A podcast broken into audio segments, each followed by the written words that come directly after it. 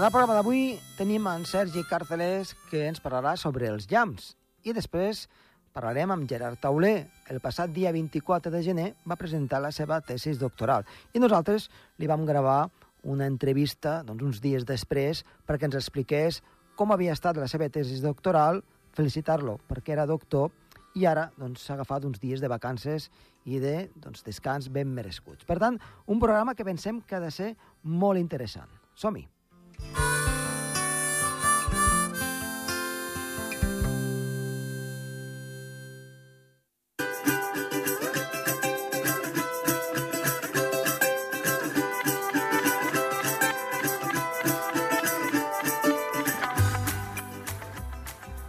Parlem avui amb el Sergi i comencem el programa eh, fent una forta salutació. Sergi, què tal, com estàs? Hola, bona tarda. Doncs avui ens parlaràs dels llams. Doncs sí, avui parlarem eh, dels eh, llams, de com es formen i també alguna curiositat eh, d'ells, com per exemple que els llams tenen eh, diferents colors respecte doncs, com està l'ambient carregat, en aquest cas. Doncs eh, molt bé, i abans de començar, que volem explicar als nostres oients és que si volen trobar eh, totes aquestes explicacions eh, del Sergi, ell té un canal de YouTube, eh? No que sí?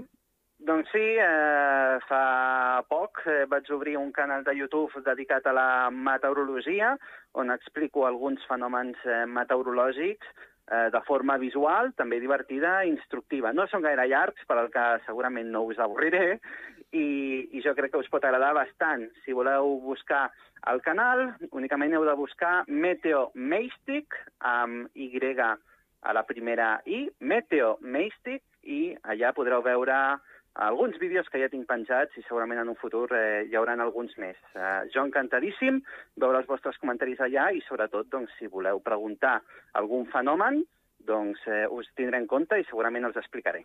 Doncs fantàstic. Eh, Sergi, um, anem per feina, anem a parlar dels llams.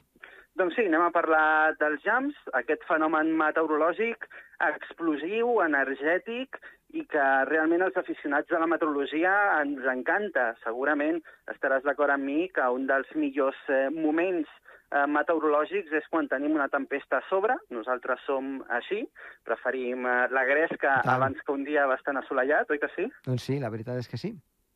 I bé, doncs anem a explicar una mica com es formen, on es formen i també el per què.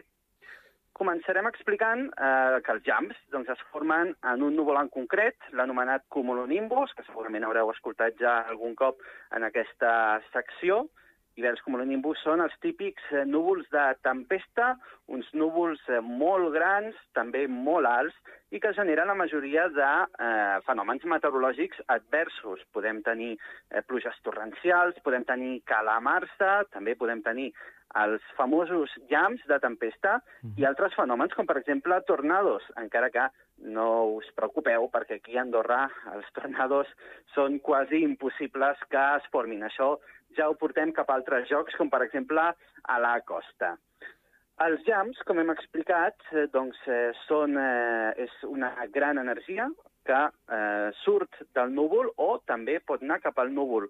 Estem parlant d'energia, una energia enorme que de moment l'ésser humà no pot emmagatzemar, i és que a vegades s'ha investigat que si es poguessin eh, emmagatzemar els llams, els llams que cauen en una tempesta, podrien produir l'energia suficient per mantenir una ciutat eh, com Sevilla, per exemple, al llarg d'un any, únicament amb una tempesta d'aquestes que tenim típiques d'estiu. Però que l'energia és tan gran que de moment eh, no tenim els estris per poder-la recaptar, encara que segurament estareu pensant que sí que hi ha alguns estris, com per exemple els parallams, Uh -huh. que eh, sí que atreuen els llams, i això és veritat. Tenim eh, els parallams que, per sort, existeixen, es posen als llocs més elevats a les ciutats i també als pobles i fan com de receptors simplement perquè a una persona no li caigui un llamp a sobre. Així la probabilitat és molt més eh, baixa. Ens defensen d'aquest eh, fenomen. Però com es produeixen aquests llamps que es veuen en un moment, ens enlluernen del tot i també fan molt de soroll? Doncs, eh, per explicar-ho, hem de parlar sobre la convecció. Un fenomen que es produeix dins dels núvols, sobretot dels cumulonimbus, i com eh, haureu, com segurament recordeu, la convecció és aquest desplaçament, aquest moviment ascendent de les gotes eh, d'aigua, del vapor d'aigua, eh, un eh, moviment ascendent molt eh, elevat, molt gran, en el que doncs, eh, podríem dir que són vents ascendents que van fins a la tropopausa, i eh, perquè ens entenguem, quan eh, tots aquests eh, vents ascendents van impactant contra les gotes d'aigua, totes aquestes gotetes d'aigua microscòpiques van xocant entre elles, van impactant entre elles, i amb el típic fregament que hi ha entre elles, com si nosaltres, per exemple, freguéssim un tros de paper, un full de paper en el nostre cabell, uh -huh. sabeu que quan sí, eh, freguem molt fortament contra el nostre cabell, es genera com una energia estàtica que fa que s'enganxi, eh, més o menys, eh, el, el paper. Doncs passa el mateix, però a gran escala, amb les tempestes. Aquestes gotes d'aigua es van fregant entre elles, van generant molta energia i al final els pols positiu i negatiu es separen dins del núvol. Normalment, el, pol eh, positiu es manté a sota de la base del núvol i els pols negatius es eh, generen a la part superior del núvol. Al final, com eh, segurament sabeu, els pols eh, oposats s'atreuen i hi ha moments en què es genera un pont en el que aquests dos pols s'acaben unint. Al final, tota aquesta energia que està acumulada viatja a través d'aquest pont en mil·lèsimes de segon i es genera aquest llamp, aquesta energia tan gran que també eh, doncs es pot generar del núvol cap a terra. I és que hem de diferenciar tres tipus de llamps. El llamp terra-núvol, que mhm. és un llamp molt especial i que a vegades existeix. Eh, podem veure vídeos de YouTube o a Google o a les xarxes socials on a vegades els llamps es generen de baix cap a dalt.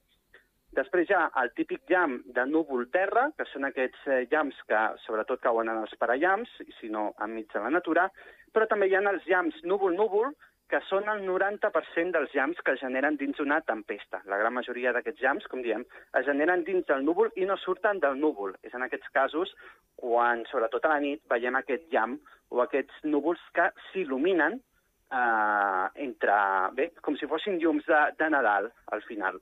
Eh, deixa'm acabar d'explicar, si tinc una mica de temps, sí, i tant. en què els llamps eh, són de diferents colors o poden tenir diferents colors segons la composició que hi hagi l'aire en aquell moment perquè ens entenguem. Els uh, llamps normals, més o menys, són de color blanquinós, de color blavós, que són els llamps eh, que generen, doncs, sobretot, en un dia eh, de pluja normal. Però si, per exemple, els llamps eh, estan generats eh, en un dia de tempesta i hi ha molta pols en suspensió a l'aire, aquests llamps els veurem de color groguenc. Per què? Perquè tota aquesta pols en suspensió canvia una mica el color del llamp. Uh, després també tenim un altre llamp, que és el color més uh, vermellós, que això ja és degut doncs, també a altres components químics que poden uh -huh. haver en l'aire.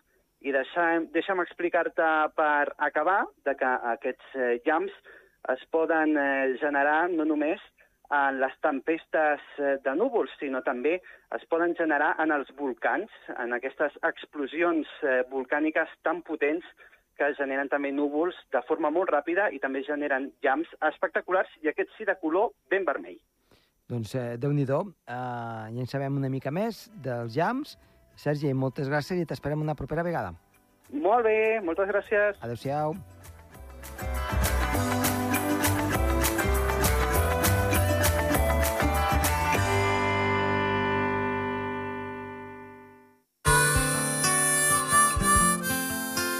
El Torb, amb Josep Tomàs.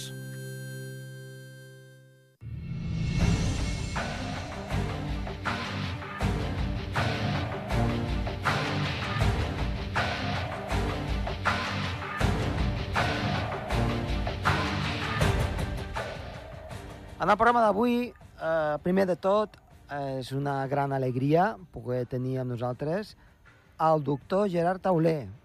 Eh, doctor Tauler, molt bona tarda.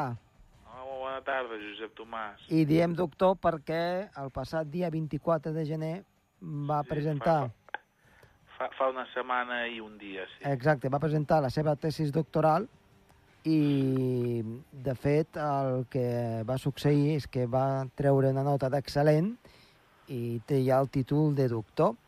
El, la tesi doctoral era sobre el clima urbà de Girona i què millor, què millor que avui doncs que eh, ens expliquis una mica què és una tesi doctoral, també que expliquis una mica la teva, quatre línies, no? una mica de com va anar, i perquè doncs, així els nostres oients poden saber tota la feina que això comporta. Sí, sí, sí. Per on comencem, Gerard? Va, doncs una tesi doctoral és, és l'expressió màxima de, el treball màxim que pot fer una persona di- dins la universitat, no? És, és el títol màxim que pot aspirar un, una persona quan està dins la universitat, ser Mhm. doctor. I com es comença a fer una tesi doctoral? Quin és el primer pas que, que has de fer? Tu quan vas començar, que, que vas Va, pensar... abans, clar, aba- abans amb la llicenciatura em feies prou, però ara s'ha de fer màster. Uh un màster abans i que te dona accés i abans de, de, de, de, del doctorat has de fer un, un, també una altra prova que és com una tesina i l'has d'aprovar i llavors ja pots doncs, fer el doctorat. Uh -huh. I en què consisteix aquest màster? És sobre la Ah, temàtica? El màster que vaig fer és de planificació territorial i gestió ambiental. Uh -huh. Per tant, són coses que tu pots escollir, diguem-ne, no? Sí, sí, sí. sí. Mm. I, uh, I a- aquest màster, que és de, la durada és d'un any, dos anys...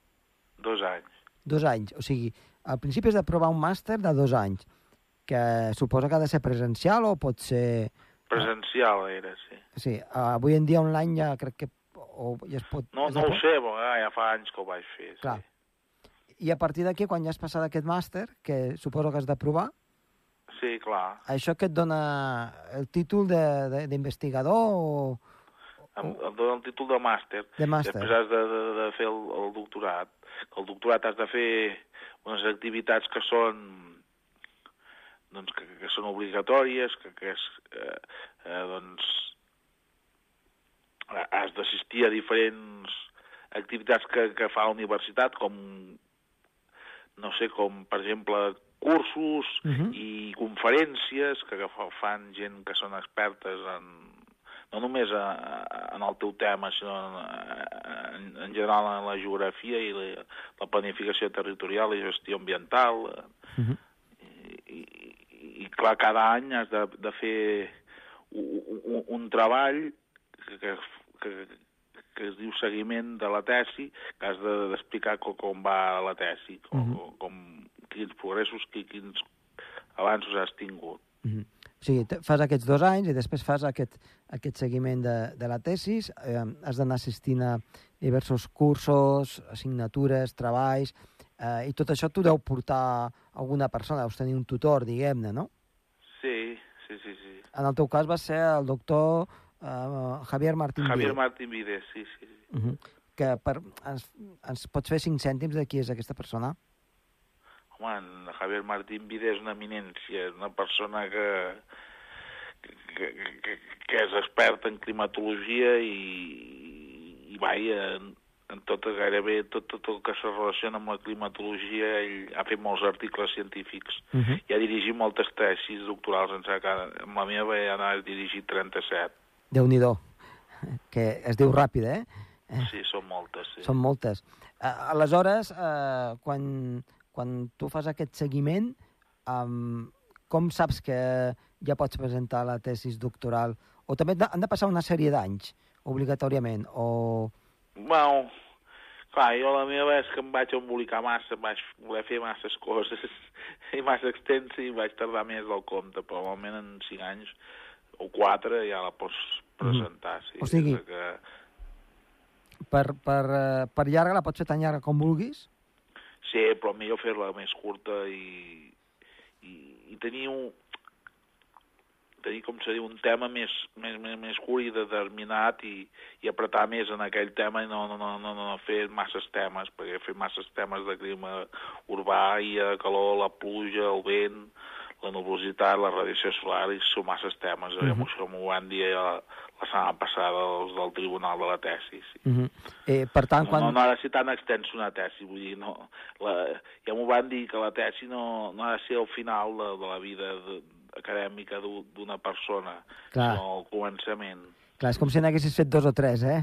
Pràcticament. O més, em van dir fins i tot set tesis. Sí. Déu-n'hi-do, déu nhi déu uh, Per tant, uh, és que clar, ara m'agafa el riure, eh? Perquè jo me'n recordo uh, tots aquests anys que tu m'explicaves ostres, que no acabo la tesi perquè això mateix, eh? De que de que, doncs... Uh, sí que la faig massa llarga. Massa llarga. Massa extensa. Vull, Molt... vull tocar totes les tecles i no, no, no pot ser. Clar. I també la tesi també és important de publicar, però jo no he publicat massa, perquè clar, potser eh, m'he dedicat massa a això, a voler afegir masses dades uh -huh. i masses estacions i...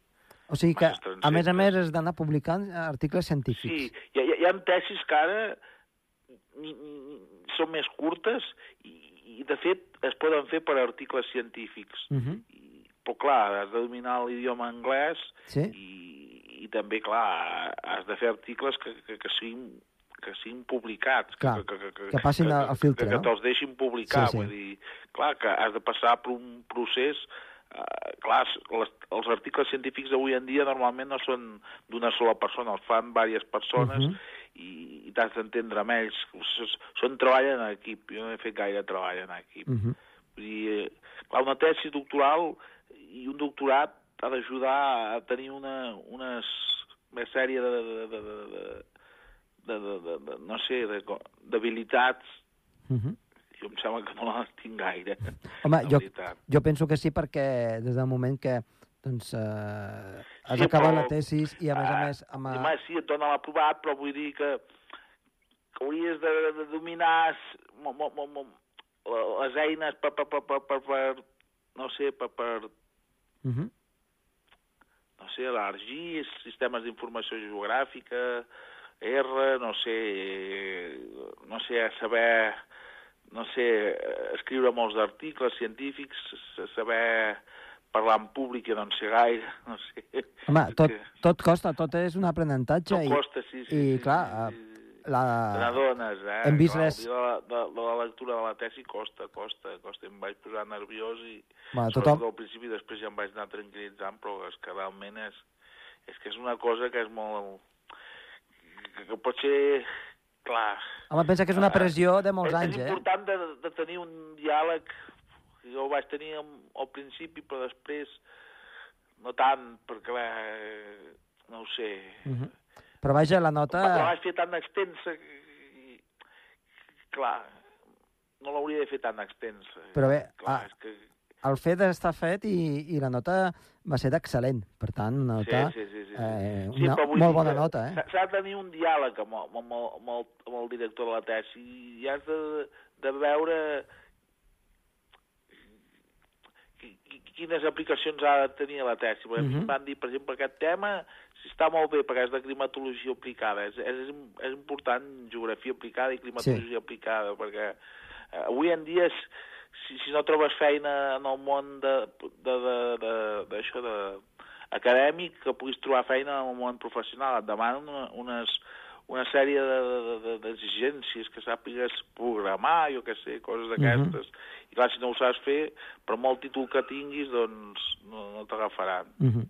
Eh, però de totes maneres, diguem-ne que és un èxit eh, immens sí. i, i nosaltres des d'aquí al programa estem molt contents avui de poder gràcies, gràcies, parlar amb gràcies. tu i de, de, doncs, de que ens expliquis doncs, totes aquestes experiències, els patiments i, i doncs, la satisfacció final doncs, de poder-la sí, presentar i sí, tenir-la. No? I ara ens agradaria que ens, ens expliquessis una mica, Gerard... Eh, sí, la meva tesi una mica. parla del clima urbà de Girona, el clima urbà, clar, és que he tocat totes les tecles. En teoria, al principi, només era illa de calor, després vaig fer temperatura, influència de la precipitació, i vaig dir que no hi ha gaire influència de, de la ciutat en la precipitació, però sí en les temperatures, és clar.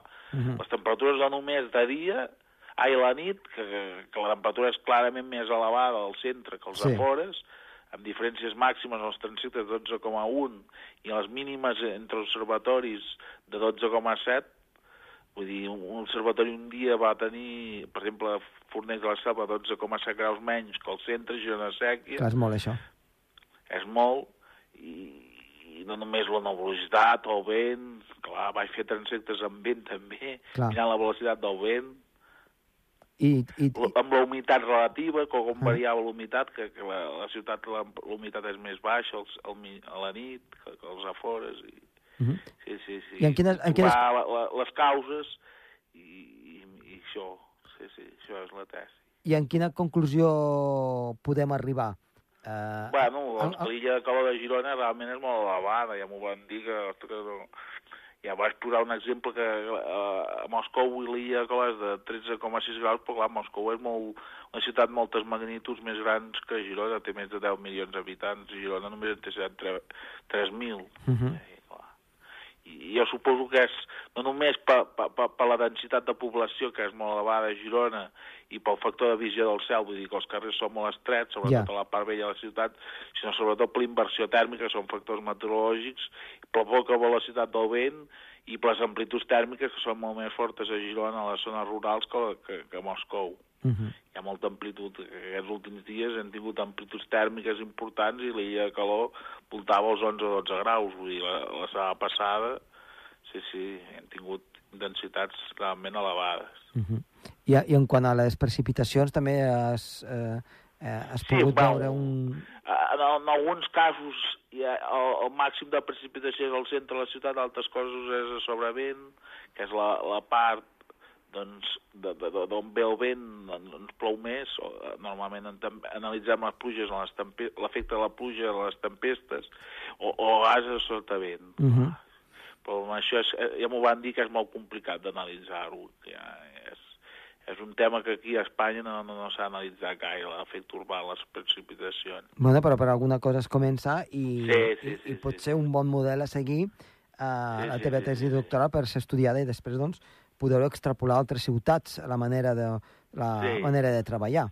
Eh, Sí, sí, sí. eh? De veritat, doncs, eh, ha quedat doncs, eh, molt, molt ben encabida en el que és eh, tota aquesta zona doncs, que has treballat i has estudiat durant, durant tants anys. Doncs Gerard, eh, moltíssimes gràcies. Eh, Molt bé. una vegada més per estar aquí al programa. Eh, ens continuarem retrobant, evidentment. Sí, I et volem felicitar doncs, eh, tot, Moltes tot l'equip del Josep. programa i de la casa per Gràcies, aquesta tesi gràcies. doctoral. Moltes gràcies, Gerard. vinga, Adéu-siau. vagi molt bé. Una abraçada, adéu. Adéu.